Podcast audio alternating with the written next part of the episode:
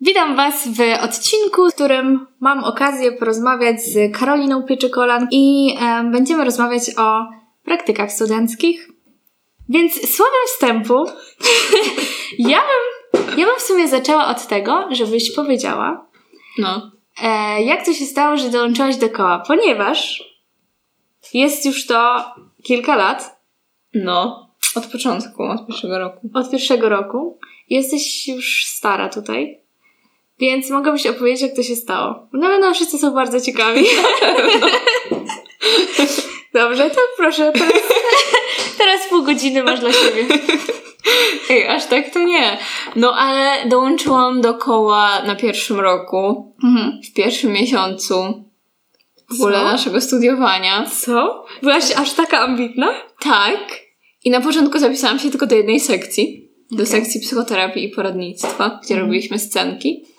I było to dla mnie takie mega fajne doświadczenie, też poznanie studentów, którzy już od kilku lat studiują i robią coś poza studiowaniem. Mhm. bo to zawsze było taki cel, który mi przyś- przyświecał, żeby robić coś poza studiowaniem, poza samym chodzeniem na uczelnię. Mhm.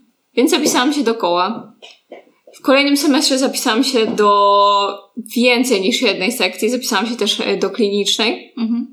No i tam zostałam wicekoordynatorką, później koordynatorką. No a później jakoś tak się znalazłam w zarządzie. A ta funkcja prezeski e, niesie ze sobą bardzo dużo obowiązków? Myślę, że jak przyjdzie co do czego i będzie konferencja, to wtedy Aha. będę miała dużo obowiązków. Mhm. Na razie to są takie bardziej formalne rzeczy, typu jakieś pisma trzeba napisać, Mhm. trzeba zgłosić konferencję, trzeba tam pozapraszać prelegentów, których już mamy. Mhm. Już mamy prelegentów. No, raczej takie bardziej formalne rzeczy, plus ogarnąć też nabór, który trwa. Mhm. No, a tak to chodzę sobie na spotkania różnych sekcji, patrzę jak tam każdy działa. Staram się jakoś tak angażować w to, żeby to koło tak może trochę spajać, Mhm. Mhm. no bo odpowiadam za to i ja i nasza pani kurator, doktor Łysia, którą pozdrawiamy serdecznie, Jak w każdym odcinku. jak w każdym odcinku. Y, tak, ale no są, na- to są raczej takie na razie sprawy organizacyjne i papierologia. No, żeby uzyskać różne rzeczy, różne pieniądze też, no to musi być współpraca i z administracją, i z instytutem, Mhm. i z prodziekan i tak dalej. No i to jest fajne, że nie jestem w tym sama, że jest też zarząd, na który mogę liczyć i jest bardzo fajna współpraca między nami i po prostu wspieramy się wszyscy nawzajem, Mhm. no bo ciężko by było to zrobić w jedną osobę. Bardzo ciężko. Nie wyobrażam sobie tego w jedną osobę. Ogólnie taka średnia ludzi, którzy są w różnych sekcjach, studenci, którzy chodzą na spotkania, to jest kilkaset osób.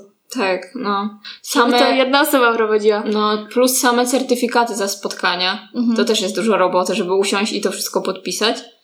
Bo spotkań w sekcji jest. mm, Kiedyś naliczyłam w klinicznej 20 spotkań w roku. Wow. Więc. To, wow! no, To naprawdę kliniczna? Wow. kliniczna to dobrze działała. strasznie. Mam nadzieję, No. że nadal będzie, tak? Czyli Y, tak co dwa tygodnie spotkanie w sumie, tak? 10 No. miesięcy, no. Tak, co dwa tygodnie. Więc tych certyfikatów później jest bardzo dużo do podpisu i fajnie, że nie tylko ja to podpisuję, cały zarząd może podpisać, więc Okej. Ewelina Czyli czekam- się. Czyli teraz będę musiała to wszystko podpisywać? W większości po prostu Okej. osoby piszą do prezesa, ale jeśli ja na przykład bym była niedostępna, albo Mhm. Ola Pirogowicz, która jest Karina po prostu nie ma mnie teraz, ponieważ jestem w Bieszczadach.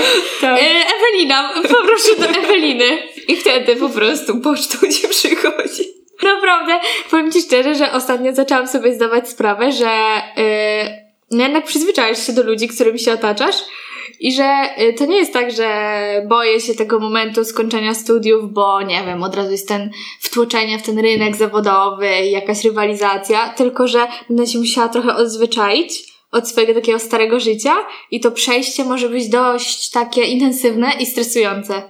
Że wiesz, nagle będę miała nowe środowisko pracy, nowe wszystko, nie wiem, się przeprowadzę pewnie jeszcze gdzieś i w ogóle będę nową wersją mnie. Lepszą wersją siebie będzie. Lepszą wersją siebie, no. Myślę, że jak ktoś chodził na dobre praktyki, to miał już taki trochę początek. Nie no, tego. pięknie zaczepiłaś się Pięknie zaczepiłaś się ten temat. A propos praktyk. A propos praktyk, ponieważ ja powiedziałam, że tak, dzisiaj będziemy rozmawiać o praktykach, e, ponieważ my obie jesteśmy z tego samego rocznika, też jesteśmy na piątym roku, więc uznałyśmy, że to jest fajny temat, żeby go pociągnąć, bo ty, Karolina, ostatnio skończyłaś te praktyki. Tak, we wrześniu. I ja też, bo mi się rozciągnęły bardzo. Ja robiłam od lipca do września praktyki. No to mega długo. Więc tak, tak, bo właśnie moja e, opiekunka, moja Mentorka. Tak. Moja mentorka praktyk poszła na zwolnienie i nie było jej sporo czasu, więc nie chciałam, wiesz, być sama, e, bo jednak jestem świeżaczkiem i czułam się samotna, nie wiedziałam, co mam robić ze sobą i nie chciałam wychodzić, e, przychodzić o dziewiątej i wychodzić o jedenastej, więc e, zaczekałam na nią i to się rozciągnęło w czasie, ale jestem szczęśliwa z tego powodu, dlatego że zauważyłam, że się trochę lepiej zgrałam z zespołem całym. Mhm. Wiesz, bo ludzie się przyzwyczajają do ciebie. No tak. Jeszcze jak tak I- długo jesteś. Tak. Więc co? Odbywałaś praktyki w W szkole podstawowej. szkole podstawowej.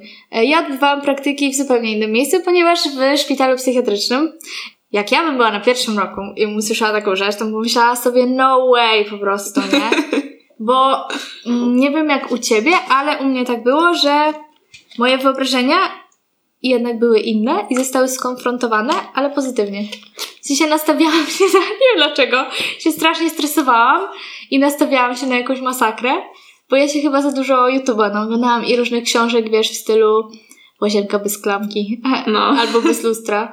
No i jest tak, ale to nie jest takie straszne, jak e, jest to opisywane. Ja myślę, że te dwie rzeczy przerażają, bo jak się wyjdzie ze szkoły No. i to się nie chce już do niej wracać nigdy. Ja też mówiłam, szkoła nigdy w życiu, w ogóle dzieci nie, nigdy w życiu. Ja będę tutaj, proszę bardzo, panią terapeutką dorosłych. Ale po prostu życie i studia i później, do, tak, i później doświadczenia Mhm. tak mi się zmieniły. Czyli praktyki nie są przypadkowe u ciebie, że chciałaś je zrobić, tylko że rzeczywiście chciałaś e, z dziećmi spróbować? Tak, i z młodzieżą, bo Mm. myślę, że tutaj się czuję dobrze. Takimi dziećmi szkolnymi, bo takie przedszkolne jeszcze mnie przerażają. jeszcze O. wszystko przede mną. Plus ja też robiłam te praktyki z mojego modułu, z przygotowania pedagogicznego. Okej. W szkole, gdzie nie ma psychologa.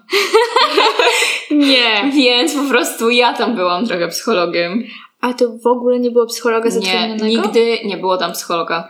Bo jest taka kwestia teraz, że em, czytam sobie jakieś fora, tak? Gdzie dostać pracę, e, jak się ma mało doświadczenia. No jest taka kwestia, że w tej chwili kuratoria już zatwierdzają, że możesz być studentem piątego roku psychologii i pracować w szkole. Tak, wiem, dlatego od następnego semestru może będę już pracować, jak mi to powiedzieli. Więc będę dwa dni w tygodniu u siebie, a resztę będę w Lublinie. Wow. Ale to, nie no, to jest świetna wiadomość. No, No bo już będziesz miała, nie dość, że masz już doświadczenie jakieś tam, co się na tyle zadomowiłaś, że jeszcze ci zaproponowali. tak. Gratuluję. Dziękuję. Naprawdę. Wygrałaś życie po prostu. Nie, to jest moja szkoła podstawowa i ja po prostu, moją mentorką praktyk była moja wychowawczyni. Mm. Więc ja po prostu tam się czułam jak u siebie i też się zżyłam z dzieciakami. Było mi tak przykro, jak odchodziłam i widziałam, że im też jest przykro. I to było No. takie słodkie, jak piąta klasa. To była klasa, która Czy po oni prostu... ci kupili Merci, czy nie? Nie kupili mi Merci, bo im powiedziałam to w najmniej spodziewanym momencie, że to jest mój ostatni dzień. Okej. A oni byli przekonani, że ja z nimi na zawsze już zostanę. O nie, złamałaś mi serca! A tak to, wiesz co, zrobiliby ci kubek dla pani Karoliny. Ale powiedziałam im, że wrócę, więc... O, a to dobrze, że, dobrze, że wracasz. I dlatego uważam, że znalezienie takich praktyk, gdzie naprawdę się będzie można Mhm. sprawdzić, a nie się będzie latać z kubkiem po kawę, albo Mhm. po prostu przyjść i tylko, żeby pani podpisała i Mhm. wyjść, to jest mega ważne. No, ja chyba jakbym miała dać jakąkolwiek radę, to żeby, mm, nawet jeśli ogarniać ogromny stres i tak dalej, to żeby się tego nie bać, tylko iść z tym, dlatego że zawsze człowiek się stresuje w nowych miejscach, a zwłaszcza takich, gdy czujesz, że na przykład, nie wiem, może będę wymagać jakichś kompetencji, których ja jeszcze nie mam e, i nie wiesz, jak to w ogóle będzie wyglądać, bo robisz coś pierwszy raz w życiu. Więc, więc to jest takie naturalne, że się stresujesz. nawet, że jesteś przerażony, ale mm, myślę, że warto zacząć szukać wcześniej tych praktyk. No. Bo, jak, bo ja słyszałam takie akcje, że ktoś szukał w czerwcu, a do 10 czerwca y, y, trzeba było już y, mieć umowę podpisaną, tak? Czy jakąś tam deklarację złożyć, że to miejsce cię przyjmie. No to dla mnie jakiś kosmos. To prawda, niektórzy przez to będą musieli robić praktyki teraz i musieli pisać podanie o przedłużenie. A, okej. A, bo też jest taka opcja, że Jest, będą robić tak. w tym semestrze, Mhm. czyli będą musieli łączyć praktyki z y, studiami. Tak, No, jeszcze pewnie z pracą i jeszcze z siłownią na przykład. pewnie tak. Ale w No. ogóle myślisz, że to prawda, co nam mówią niektórzy prowadzący, że No. uczysz się dopiero tak naprawdę na pierwszym pacjencie? A to jest mocne pytanie. Kurczę, y, jakbym była ogólnie żurnalistą, to bym miała je napisane i Karolina, myślisz, że uczysz się na pierwszym pacjencie? Zagięłam cię tym pytaniem. A tutaj ty byłaś przygotowana. E, wiesz co? Obawiam się, że tak. E, ja chyba w to wierzę głęboko i szeroko, że mm, nie jesteś w stanie pewnych rzeczy nabyć, dopóki się nie skonfrontujesz z czymś. Bo szczerze mówiąc, ja po tych, no to 100 godzin, to brzmi jak nic, ale y, no jednak to, to trochę czasu jest. To ja miałam poczucie, że ja z każdą rozmową z innym pacjentem e, zauważam różne swoje błędy, zauważam jakieś swoje mocne, słabe strony i już następna rozmowa była zupełnie inna. Zupełnie zwracam uwagę na inne rzeczy i to tak naprawdę jeden człowiek dzielił mnie od tego, żebym na przykład wiedziała, że nie, to jest za szybko, żeby przejść do tego tematu. Bo ja, popełni- ja ogólnie zauważam, że popełniam takie podstawowe błędy studenta psychologii, czyli od razu dawaj, Z grubej dawaj, rury. dawaj ten shit po prostu, nie? Że tak jakby na, na ten, przy pierwszej rozmowie, zamiast zbudować zaufanie, to ja po prostu już chciałam wiedzieć wszystko. Mhm. I to było straszne, nie? Bo y, człowiek widzi, że jest taki do odhaczenia, zaczyna się coraz bardziej zamykać przed tobą, bo widzisz tak jakby ty, no nie wiem, jakby wiesz, na siłę, nie? Jakby nic na siłę nie wychodzi dobrze To prawda. nie da się czegoś na siłę zrobić dobrze. Więc e, na pewno po takich kilku rozmowach już mam takie wrażenie, że Ewelina, robisz coś nie tak, musisz się uspokoić trochę. I później mm, też oczywiście była jakaś tam okazja, żeby wrócić do tych osób, czy właśnie z jakimiś nowymi pacjentami tam na oddziale. Mm, to już stosowałam zupełnie inną technikę, czyli kontrolowałam tą rozmowę, ale dawałam przestrzeń, żeby to po prostu powiedziała wszystko, co ona chce. Ja w ogóle się nie odzywam, dopóki ona, wiesz, nie, po prostu nie powie mi tego, co ona chce, bo skąd ja mam wiedzieć cokolwiek, jeśli ona mi tego nie powie, jak ja jej nie znam. No tak. Więc y, ja popełniłam ten błąd, później uważam, że już zaczęłam to coraz bardziej naprawiać, ale chyba muszę przyznać taką gorzką prawdę, że w momencie, gdy na przykład za szybko chciałam coś od kogoś i to był plan do odhaczenia, zamiast rzeczywiście wysłuchać tą osobę, to było tak, że ta osoba już później nie zwracała na mnie uwagi, nie? Po prostu jakby nie było takiego powrotu, że ona mi na nowo zaufa i na nowo, nie? Będzie ten kontakt, przestrzeń, żeby pogadać, tylko ci ludzie raczej tak mieli go away po prostu, nie? Studenciaku. ty. Więc, y, ale pogodziłam się z tym, bo zauważyłam, że jednak no najbardziej zależało mi na tym, żeby być dla nich. Mhm. Więc jak y, zaczęłam zauważyć te różne swoje błędy bardzo szybko, to później widziałam postęp, że jest coraz lepiej i dlatego, kurczę, chyba nic tej praktyki nie zastąpi. Ja w ogóle nie wyobrażam sobie, szczerze mówiąc, no judge, but I am, ale po prostu szczerze właśnie załatwianie sobie y, praktyk jakoś tak, że właściwie tam na nie nie chodzisz, nie? Albo jakiś po prostu wolontariat, który nie za bardzo wymaga tej obecności, czy tam coś zdalnego. Chyba nie ma nic lepszego, jak się chce pracować w tym zawodzie, żeby się zderzyć z rzeczywistością. To prawda. Na studiach jeszcze. Jeszcze wtedy, kiedy nie Tak. jesteś specjalistą, Mhm. możesz zobaczyć, jak to jest. Bo trochę gorzej, kiedy ty już jesteś psychologiem i Mhm. od ciebie się już trochę więcej wymaga tak naprawdę niż od studenta. Bo student to on się jeszcze douczy, Tak, tak. to on jeszcze, jeszcze jakby nie jest aż taka presja nałożona na nas. Mhm. Natomiast jak się już jest specjalistą, to czy ktoś patrzy, czy ty jesteś początkujący, czy ty jesteś już doświadczony? No właśnie. Ja po tym miesiącu czuję się o wiele innym człowiekiem, Mhm. dlatego że, y, no tak jak ty właśnie na pewno, po prostu jesteś tam nie jako wolontariuszka, nie jako asystentka, tylko jesteś tam jako praktykantka, no ale na pozycji jakby przyszłego psychologa. Więc masz takie zderzenie z tym, jak ten zawód rzeczywiście wygląda i co będzie od ciebie wymagane w przyszłości. I to jest mega, żeby sprawdzić się, czy ty się w tym dobrze czujesz. Właśnie. Czy ta grupa, którą się wybrało na studiach, Mhm. docelowa, która się jeszcze pewnie tysiąc razy zmieni. Jak jesteście na pierwszym roku, Mhm. spokojnie, jeszcze wszystko przed wami, bo to się zmienia. Jak zaczynasz, no ja też jestem od, na wolontariacie od pierwszego roku, zawsze byłam na jakimś wolontariacie, Mhm. no to też te grupy docelowe mi się zmieniały i poszłam na tą edukację, komunikację i w końcu wyszło, że naprawdę z takimi dorastającymi dziećmi, które są trudne, Mhm. one mają... Poranione pewnie bardzo. Tak, i on też dorastanie nie jest łatwe. No nie jest. No nie jest łatwe. nie I jeszcze tym bardziej Ja wciąż dorastam, po prostu ja wciąż dorastam. Tak, to nie jest ani dla nich łatwe, ani Mhm. dla osób, które przybywają z nimi, też Mhm. dla rodziców, dla nauczycieli. Mhm. To też nie jest najłatwiejszy wiek. Mhm. Więc dobrze jest, jeśli szkoła ma psychologa, jeśli szkoła ma tego specjalistę, bo bez jest mega ciężko. Mhm. A wiele szkół, szczególnie na wsiach, nie ma. Nie ma specjalistów, w ogóle na wsiach nie ma specjalistów. Ja z ciekawości właśnie weszłam sobie na e, stronę kuratorium i sprawdzałam oferty pracy w sektorze właśnie oświaty. E, gdzieś tam w moich okolicach Podlasie, Mazury i powiem Ci szczerze, że tam dosłownie miejscowość obok mnie tam nigdzie nie ma psychologa. W żadnej szkole. To jest niesamowite, jak te dzieci sobie radzą. Mhm. W sensie... Same muszą jakoś sobie radzić. Może jak byłam dzieckiem, to inaczej myślałam e, teraz z perspektywy takiej, no wiesz, osoby dorosłej, która jednak ma jakieś kompetencje, jakieś doświadczenie i czuje, że może coś wynieść na przykład w takie miejsce. Jest to przerażające, jak dziecko może być pozostawione swoimi problemami. To prawda. I A to, dużo problemów jest wyniesionych z domu. I przenoszonych do szkoły.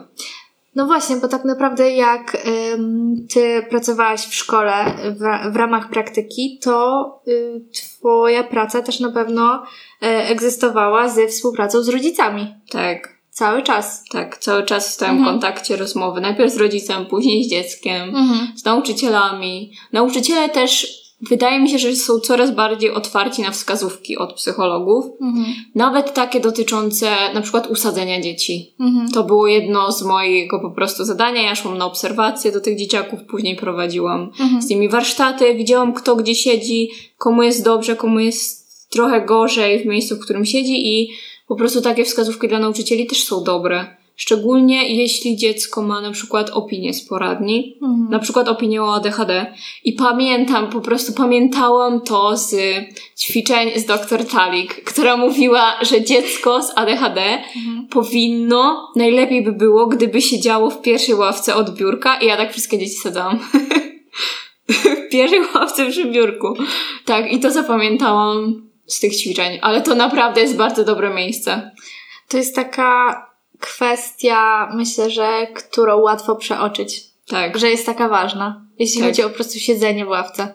Wydaje mi się, że mm, dzieciaki właśnie z ADHD często są gdzieś tam do tyłu, bo on się wierci, to żeby innym nie przeszkadzał, to tam idź sobie do tyłu, a nie patrzy się na to, ile to dziecko wyniesie z lekcji. Bo to nie jest tak, że ono, właśnie, to też nie jest tak, że ono robi na złość innym. Mhm. Ono po prostu takie jest, ono po prostu nie umie wysiedzieć w miejscu. Mhm.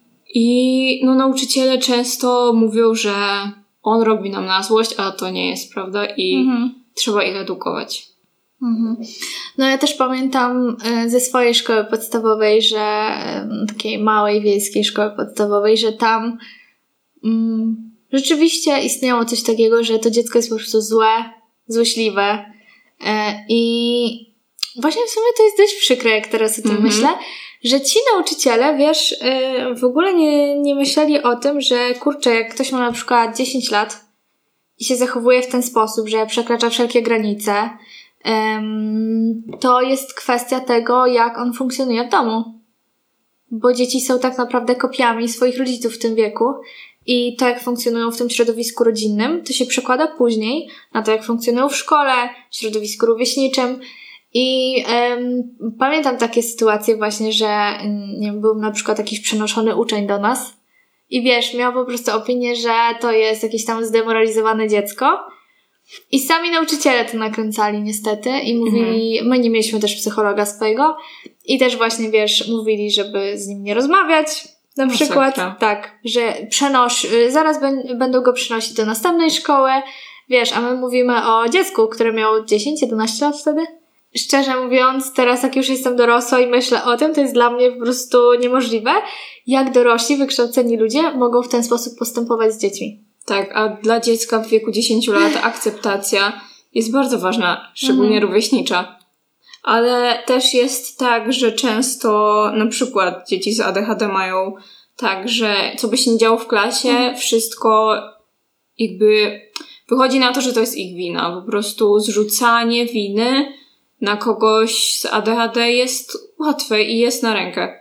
Mhm. I często właśnie dzieciaki skarżą się na to, że mimo tego, że on nic nie robi, to i tak po prostu wszystko idzie na niego, bo tak jest łatwiej. Mhm. Em, powiedz mi, czy się mylę, ale ja pamiętam, że omawialiśmy na zajęciach takie statystyki, w których właśnie była poruszona kwestia, że dzieciaki, które mają ADHD, em, w jakiejś ogromnej w ogóle większości później rozwijają u siebie zaburzenie zachowania. Nie pamiętam tak szczerze. Ale że jest to jakoś po prostu powiązane ze sobą. Że też jeśli nie są zdiagnozowane i nie wiedzą, że tak naprawdę te objawy to jest to ADHD, nie? To jest... W ogóle często dzieciaki nie są zdiagnozowane. Mhm. Widać na pierwszy rzut oka tak naprawdę i po wywiadzie z rodzicem tym bardziej, że dziecko ma ADHD, Mhm. ale po prostu nie jest zdiagnozowane, bo, bo tak szczerze na wsiach mało kto ma jakąkolwiek wiedzę. Mhm. Jeszcze jak to jest wieś po prostu daleko i Mhm. daleko od dużego miasta, Mhm. to mało jest takich diagnoz, więcej jest diagnoz na przykład dysleksji, po prostu, żeby łatwiej było na egzaminie, bo wtedy jest i wydłużony czas, i tam punkty są niektóre liczone i tylko do takich diagnoz się ogranicza. Mhm. Co też jest krzywdzące dla dzieci, bo często w szkołach jest tak, że jeśli dziecko nie ma opinii, to nie ma godzin, żeby się nim zająć. Bo w szkole masz określoną liczbę godzin jakby pracy. Mhm. Etat, tak? Mm, Tak, na przykład y, w szkole to jest zazwyczaj pół etatu. I jeśli dziecko nie ma opinii, to ty w pierwszej, jakby na przykład pedagog tak ma, że w pierwszej kolejności się zajmuje dziećmi z opiniami. Więc nie ma za bardzo czasu na dzieci, które nie mają opinii, a też mają trudności, chociaż Mhm. często zdarzają się tak zwane interwencje bieżące, że coś się wydarzy w szkole, jest jakiś konflikt, jakaś bójka, jakieś coś tam i wtedy się zajmuje tym. I ja też w większości się zajmowałam takimi rzeczami. No to właśnie gdybyś mogła opowiedzieć o tej kwestii, jakie miałaś obowiązki tam, czym się zajmowałaś, na czym polegał taki twój dzień, wiesz, jak przyszłaś i do momentu skończenia, czy musiałaś zostawać po godzinach, na przykład, bo się tyle działo, jak to wyglądało u ciebie? Ja miałam do wyrobienia 150 godzin w miesiąc, trochę ponad miesiąc, bo zaczęłam Mhm. e, w sierpniu od przygotowania dokumentacji. E, Właśnie z panią pedagog i też z panią logopedką e, przygotowywałyśmy dokumentację wszystkich dzieci, które mają opinie, które opinie powinny zrobić jeszcze raz, które przychodzą na kolejny etap edukacji i tak dalej. Segregowałyśmy to klasami. No i później przyszedł 1 września i chodzenie do szkoły. I zazwyczaj chodziłam po prostu rano na ósmą, a kończyłam wtedy, kiedy się kończyły obowiązki, ale chętnie tam zostawałam. I w sumie przez większość czasu były to rozmowy z rodzicami, z dzieciakami, jakieś takie interwencje właśnie bieżące, coś się wydarzyło w szkole, a jest wrzesień, dzieci wróciły po wakacjach, ciężko jest się przestawić. Różne rzeczy się dzieją, też różne dzieciaki są, często się nie dogadują, więc konflikty też były do rozwiązania. Prowadziłam też warsztaty we wszystkich klasach, od pierwszej do ósmej klasy. I w sumie, mm, no też dużo było papierkowej roboty. Mhm. Z tymi opiniami, ze zgodami, bo na każdą pomoc musisz mieć zgodę od rodziców, więc też trzeba było się z tymi rodzicami spotykać albo dawać dzieciom. Dużo też rozmów z nauczycielami, którzy byli zainteresowani akurat, więc byłam po prostu zachwycona, że oni byli zainteresowani, bo po pierwsze pamiętali mnie, bo ja do tej szkoły chodziłam już Mhm. dobrych 10 lat temu. Ta młodsza kadra nauczycielska, która też jest w szkole i to też jest super, jest bardziej zainteresowana stroną psychologa i też kierowaniem do psychologa, jak są problemy, niż ta starsza kadra nauczycielska. Okej. A z jakich przekonań to wynika, tej starszej kadry? Szczerze nie mam pojęcia, o co z tym chodzi. Mhm. Nie wiem dlaczego tak jest i to jest w sumie przykre, bo to jest na szkodę dzieciakom. Mhm. Bo często jest tak, że dzieci nie wiedzą, co zrobić ze swoim problemem, rodzice też nie bardzo. Mhm. Też no, na wsiach jest takie mała, mało psychoedukacji, mało takiego obeznania z tym, czym jest psycholog, że to nie jest wstyd, żeby tam chodzić. Mhm. Chociaż to się zmienia na lepsze i widzę, że szczególnie u tych rodziców, którzy są trochę młodsi, czy u tych dzieciaków w 1-3, to często właśnie rodzice mówili, że oni chodzą do psychologa, że albo że oni byli u psychologa.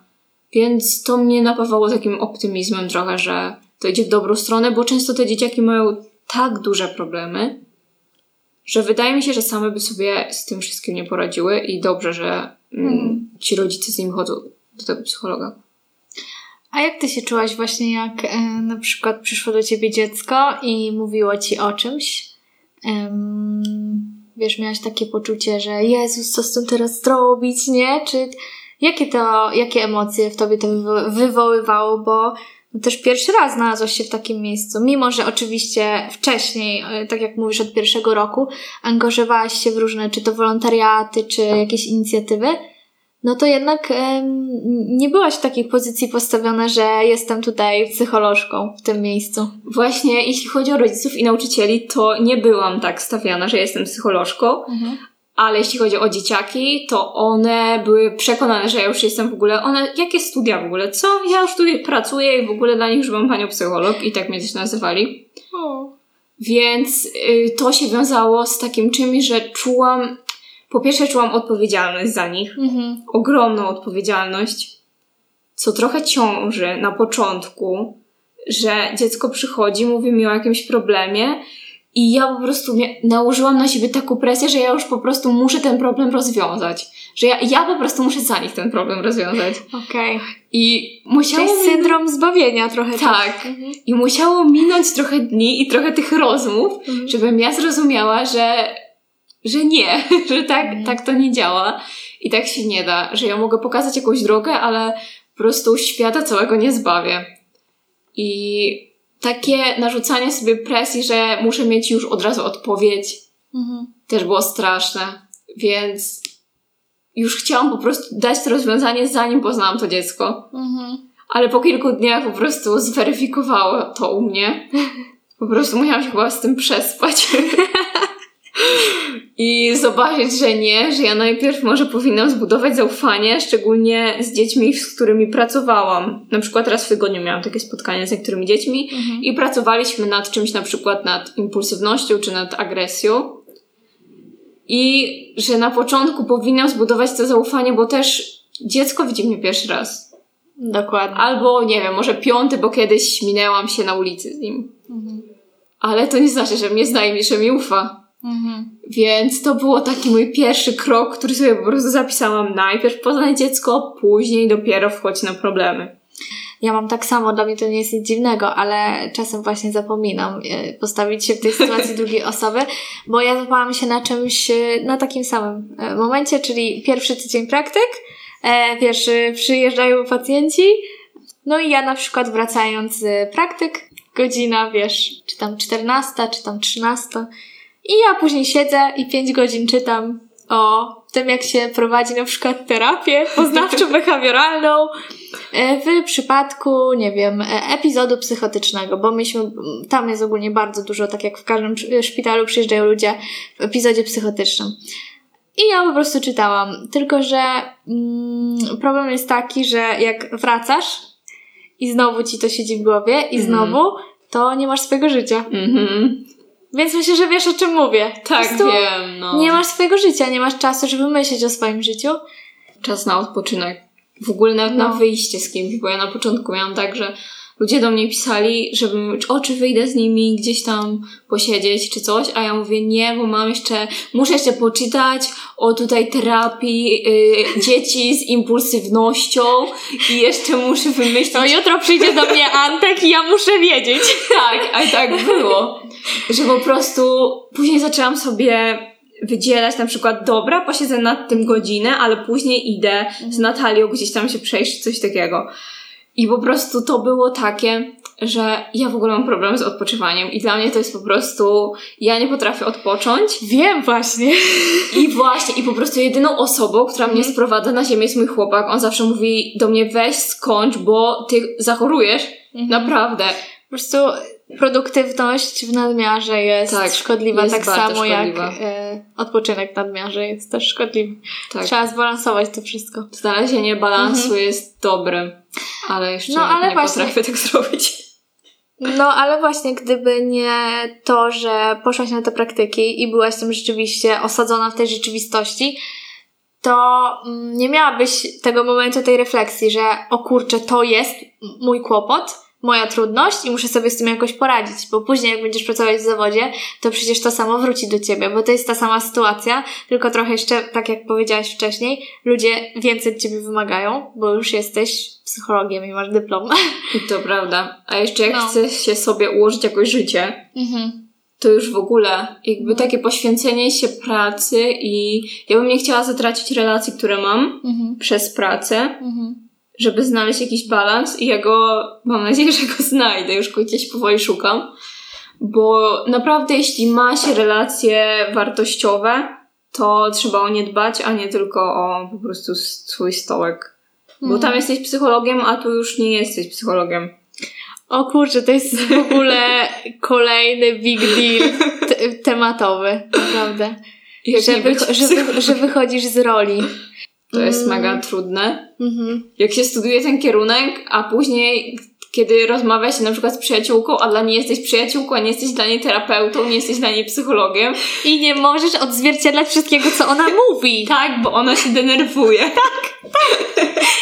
Słuchaj, ja pojechałam do e, mojej siostry, a my rozmawiamy też raz na jakiś czas.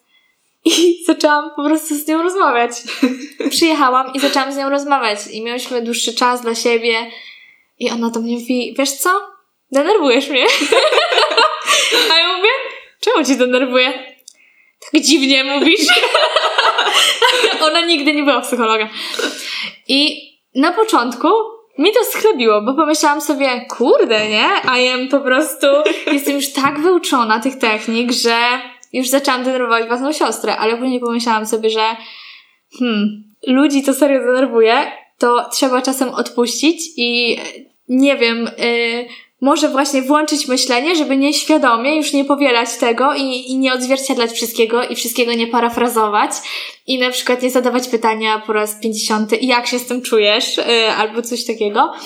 Więc ona się tym denerwowała i szczerze mówiąc zastanawiam się, czy ja jestem w stanie jeszcze to zrobić i normalnie przeprowadzić rozmowę.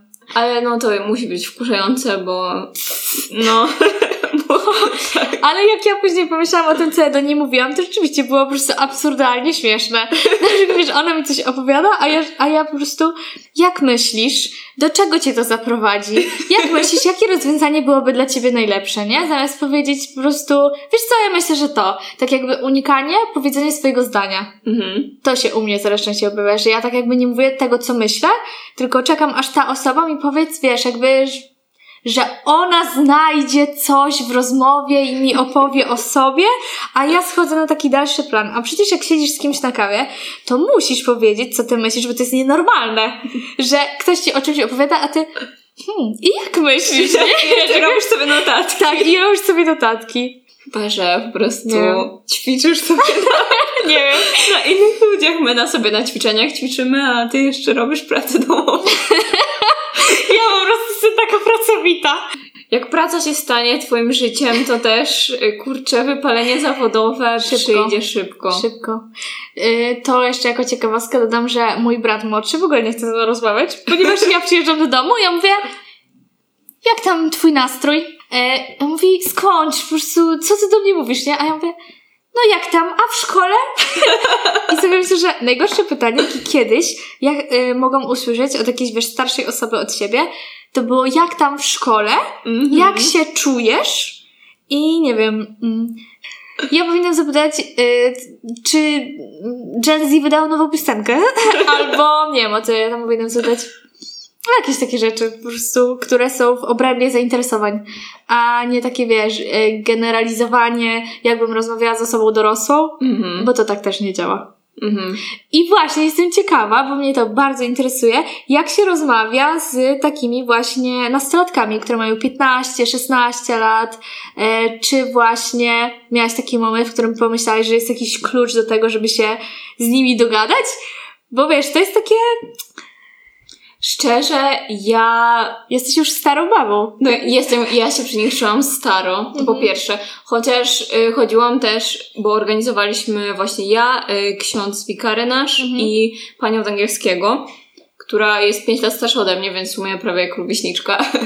Y, Organizowaliśmy dla dzieciaków siatkówkę wieczorami, więc ja te dzieciaki też znałam trochę od innej strony. Szczególnie te starsze, bo tam przychodziła siódma, ósma klasa. Więc te starsze dzieciaki znałam trochę od innej strony, od takiej może bardziej prywatnej strony, jak się zachowują w takich relacjach na boisku i tak dalej. Więc wielu z nich znałam, wiedziałam mniej więcej czym się interesują.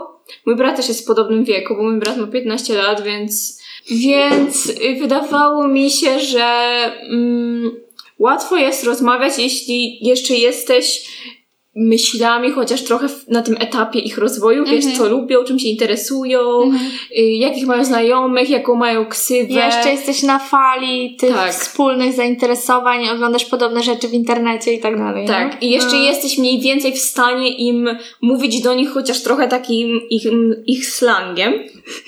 Chociaż czasem jak mi coś powiedzieli, ja nie wiedziałam o co chodzi, musiałam się dopytywać, co to słowo znaczy. Stara. Ja pytałam ostatnio mojego brata, co to znaczy RIS. Ja nie wiem, Albo co to jakiś- znaczy na przykład. Nie wiem, jakiś Sigma, coś tam, nie wiem, co to znaczy, a on... I śmiał się ze mnie. Ale tak jest, że mimo, może nie ma między nami takiej dużej różnicy wieku, no to bo niedobra jest. Bo ja. Nie się no, czuję nadal, miała jednak. 18 lat. Ale po prostu obracanie, jak chce się pracować z młodszymi e, dziećmi, wydaje mi się, że takie śledzenie chociaż trochę takich trendów, co jest popularne, Mhm. Jakich słów używają, jakie mogą tam filmy oglądać, jakie seriale, może jakich youtuberów, to jest ważne na początku. Mhm. Żeby zbudować relacje, zapytać o co tam, a może oglądasz tego, a może lubisz tego, a może Czyli śledzisz żeby, jakąś się, dramę. czyli żeby się nie pokazać z takiej sztywnej strony, że jesteś po prostu taką panią w garsonce, co siedzi i patrzy z góry i wiesz, i zapytacie, co w domu? A jakie y, drzewo proszę mi narysować? Albo obrazek rodziny, nie? To stresuje bardzo. No, to jest prawda. I wydaje mi się, że to jest kluczowe w zbudowaniu zaufania. Takie po prostu pytanie ich o jakieś codzienne rzeczy, a nie tylko wałkowanie tematu szkoły, którym ich po prostu bokiem już im wychodzi. Mhm. Bo ileż można gadać o szkole? Mhm. No bo oni muszą tam być. Tak. To nie jest ich wybór. Oni Tak. po prostu muszą, nie? Tak jak wiesz, dorośli ludzie chodzą do pracy i ty będziesz cały czas pytać, jak tam w tej pracy? Tak, albo ciągle pytanie o to, bo była jakaś tam sytuacja, na przykład ktoś coś komuś złego zrobił i ciągle wracanie do tej sytuacji i po prostu powielanie tego tematu ciągle też jest Mhm. słabe i widzenie po prostu tylko takich słabych stron drugiej osoby jest kiepskie i trzeba też popracować nad tymi mocnymi stronami. Mhm. A jakie warsztaty prowadziłaś dla dzieciaków? Dla tych dzieciaków młodszych to były warsztaty takie ogólnie o emocjach, o rozpoznawaniu emocji. Na przykład o, były obrazki, wieszałam na tablicy i się pytałam, jaka to emocja, a skąd oni wiedzą, na przykład. Y, na przykład po łzach powiedzieli, bo, bo to dziecko płacze i się zastanawialiśmy wspólnie, co zrobić w takiej sytuacji, jak na przykład zobaczymy, że ktoś płacze, to dzieciaki naprawdę były bardzo świadome były bardzo świadome tego, co zrobić, jak na przykład ty się czujesz smutno, to co zrobić. Bardzo świadome dzieci, bardzo fajnie. W starszych klasach były to bardziej takie warsztaty o asertywności, też o komunikacji warsztaty, mm, o komunikacji bez przemocy. Mhm. Też y, czasem takie integracyjne, jeśli klasa była taka mało zintegrowana. I też warto jest przed takimi warsztatami po pierwsze iść na obserwacje do klasy, jeśli jest taka możliwość, by zobaczyć mniej więcej, jak oni funkcjonują, też kto tam z kim się lubi, bo ja często robię mm, taki myk, że na przykład pracujemy w parach z osobą, z którą za dużo nie rozmawiamy, jeśli właśnie to jest bezpiecz- bezpieczne ćwiczenie, bo jeśli to jest takie coś, gdzie oni mogliby się poczuć trochę niekomfortowo, to nie chciałam, aż tak bardzo wchodzić, bo robiłam im ćwiczenia, które my robiliśmy kiedyś na warsztatach, czyli patrzenie się w oczy przez, O Jezu! przez półtorej minuty i było to ciężkie, ale oni To naprawdę jest sobie- traumatizing po prostu, naprawdę. I właśnie była nieparzysta liczba i była też nasza pani pedagog i zapytałam się, czy ktoś chce być albo ze mną, albo z Mhm. panią pedagog, to jeden chłopak się zgłosił i podziwiałam jego odwagę, Okej. że, że chciał się patrzeć e, w oczy przez półtorej minuty, ale później dzieciaki mówiły, że to było fajne, że to było takie inne Wyzwanie. i takie właśnie wyzwanie. Szczególnie siódma klasa była taka, taka szczęśliwa, myślę, z tego. No, plus tego, to, że nie było wtedy lekcji, więc wiesz. No to Nie, jak nie było chemii, to już w ogóle było wow. Ale no takie warsztaty bardziej, żeby się zmieścić w te 45 minut, Mhm. nie? Takie Czyli- bardziej ogólne. Czyli rozumiem, że wykorzystałaś te techniki, które poznałaś na studiach. Tak, Wow, ale teraz robimy promocję dla uniwersytetu. Co nie? prostu ale dużo rzeczy się pamięta ze studiów. sporo mieliśmy tych technik. Tak. Co by nie mówić, naprawdę było ich sporo. I samo to, że ćwiczymy na sobie, na przykład Mhm. w parach, to później jak druga Wow. osoba przyjdzie do ciebie, to już mniej więcej wiesz, jak ta rozmowa wygląda. Szczególnie pierwsza rozmowa jest Mhm. ćwiczona bardzo dużo, wydaje Tak. mi się. Tak. Jeszcze jak się jest w tej sekcji poradnictwa, to tam też jest ta pierwsza rozmowa wałkowana. Więc jak to dziecko przyjdzie, to już wiesz mniej więcej jak zagaić, Mhm. albo rodzic. Mhm. No ja bardzo doceniam te zajęcia, które mieliśmy, które były takie bardziej praktyczne.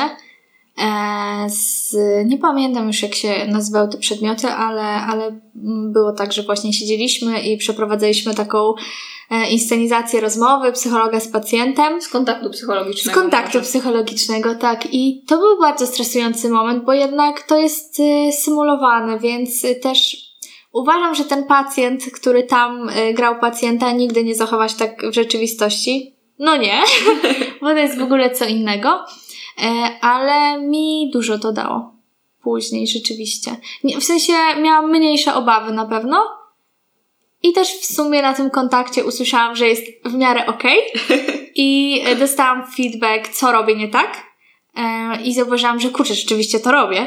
Więc dało się to szybciej poprawić. Mhm. No, a wydaje mi się, że ciężko by było, em, wiesz, bo później nie ma takiej sytuacji, że siedzi trzecia osoba i ciebie słucha, czy dobrze robisz.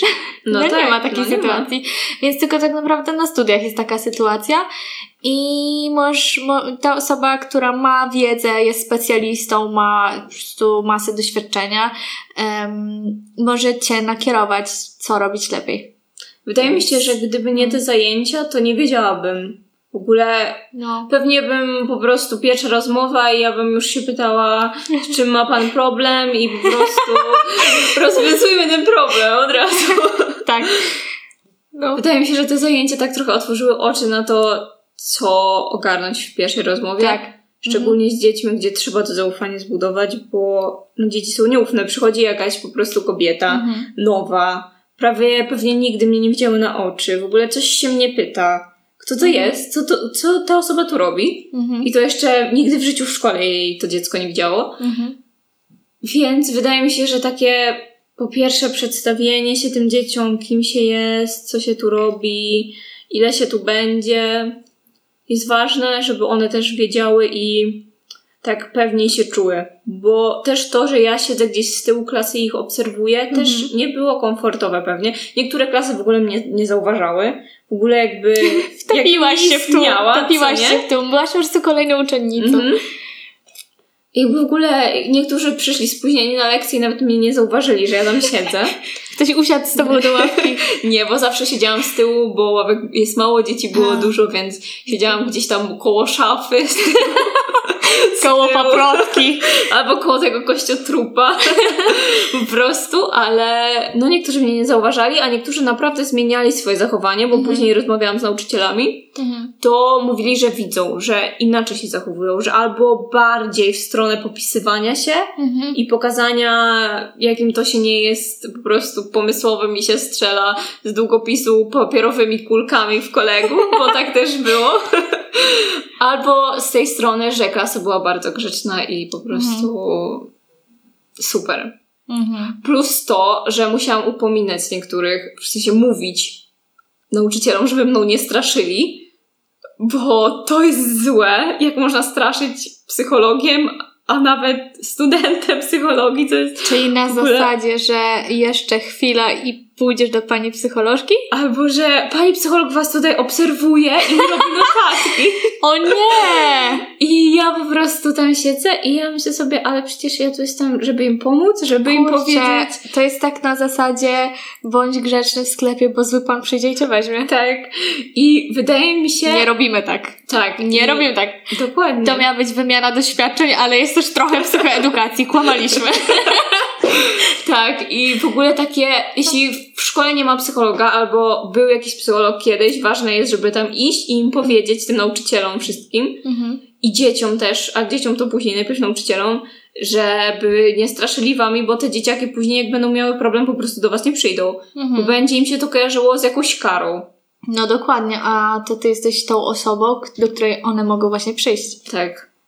Ale ja ze swojego doświadczenia pamiętam, że e, nigdy nikt nie chodził niestety Mhm. do, do pani psycholożek, jeśli już jakaś była, em, czy też psychologów. Aczkolwiek e, dobrze, że e, poruszyliśmy ten temat tego zaufania, jak to jest ważne, bo em, jeśli była jakaś wychowawczyni, jakaś nauczycielka, czy też nauczyciel, którzy budowali to poczucie zaufania, to po prostu dzieciaki przychodziły do nich. Mhm. I oni odgrywali tę rolę No tego tak. psychologa. Wiesz, później się oczywiście kontaktowali z tym szkolnym psychologiem, e, no ale to nie w ogóle nie ten zakres kompetencji, nie? Więc jakby kluczową kwestią w moim doświadczeniu z lat szkolnych było to, czy ktoś po prostu zbuduje zaufanie, czy ktoś jest wyrozumiały, czy ktoś potrafi wesprzeć, nie ocenić, albo ocenić konstruktywnie. Właśnie. Więc, y, więc w ogóle to jest temat rzeka, szczerze mówiąc, to można było 5 godzin o tym rozmawiać. To Na prawda. temat tego, jak na przykład, y, nie wiem, szkolni pedagodzy niestety gdzieś tam bez takiego etycznego podejścia dzielą się informacjami na temat uczniów Albo jeszcze gorzej, publicznie. Jest to... wchodzą do klasy i mówią, co się działo. O nie. U mnie tak było kiedyś w liceum. Po prostu, Spill że... Karolina, spill Serio? Że po prostu wszyscy wiedzieli, Mhm. kto poszedł do pedagoga, co mówił w Za ogóle. co? Za co? Za co? Właśnie, za co. Mhm. Wszystko. Po prostu zero tajemnic zawodowej, co jest straszne i wydaje mi się, że taka jedna sytuacja może już przesądzić o tym, że dziecko nigdy nie pójdzie po wsparcie do nikogo. Ja powiem jeszcze lepiej. To może przesądzić o tym, że później osoba, która już jest dorosła, nie skorzysta z pomocy, której będzie bardzo potrzebować, bo będzie miała tak negatywne doświadczenia, że się wcale jej nie dziwię. Niestety. Tak, jeszcze szczególnie jeśli to jest jakaś mała miejscowość, Tak. gdzie wszyscy się znają, Mhm. gdzie może psycholog jest z okolic, Mhm. chociaż rzadko kiedy tak jest, bo wydaje mi się, że większość osób, która idzie gdzieś na studia, już tam zostaje, Mhm. przynajmniej z moich doświadczeń, no to może to budzić takie, taką niepewność, taki brak zaufania, Mhm. że po prostu ona na pewno wszystkim wygada, co się stało i z czym ja przychodzę Mhm. i że po prostu lepiej nie iść. Mhm. No tak, zdecydowanie. A jak widzisz tą swoją przyszłość, e, jak wrócisz właśnie do tej szkoły i będziesz e, zatrudniona? Szczerze, ja się bardzo cieszę. W ogóle cieszę się, że, bo jestem tą jedną z niewielu osób, która po studiach wraca od razu do siebie. Mhm. Nie widzę po pierwsze swojej przyszłości tu, po drugie y, jeszcze jestem, podobno to się zmienia z czasem, nie wiem, czy tak będzie u mnie, że chciałabym, widzę taką misję trochę, że po prostu chciałabym tym dzieciakom zapewnić chociaż trochę pomocy, bo u nas nie ma za bardzo psychologów. Jak są, no to w Biłgoraju, ale to też jest niewiele. Więc wracam, chciałabym na początek może właśnie spróbować w tej szkole, bo to jest tak, że mam przygotowanie pedagogiczne, więc bez problemu. Środowisko znam już po praktykach. I wydaje mi się, że to jest dobra taka droga na początek. Nie wiem, jak będzie dalej. Myślałam też o kursie psychoterapii, ale to się okaże w praniu. Mhm. I tym akcentem kończymy na dzisiaj, więc ja się bardzo cieszę, że um, odnalazłaś się i że. Znaczy, jakbyś stwierdziła, że to nie dla ciebie, to też by była dobra refleksja, bo to mm. by mhm. po prostu była jakaś rozwojowa refleksja, co chcesz robić, ale cieszę się, że się odnalazłaś i że teraz masz taką możliwość, żeby iść dalej, bo to poczucie misji uważam, że jest potrzebne. Jest potrzebne, aczkolwiek trzeba też zachować balans. Dziękuję bardzo za rozmowę, było mi bardzo miło i czekajcie na kolejnych gości.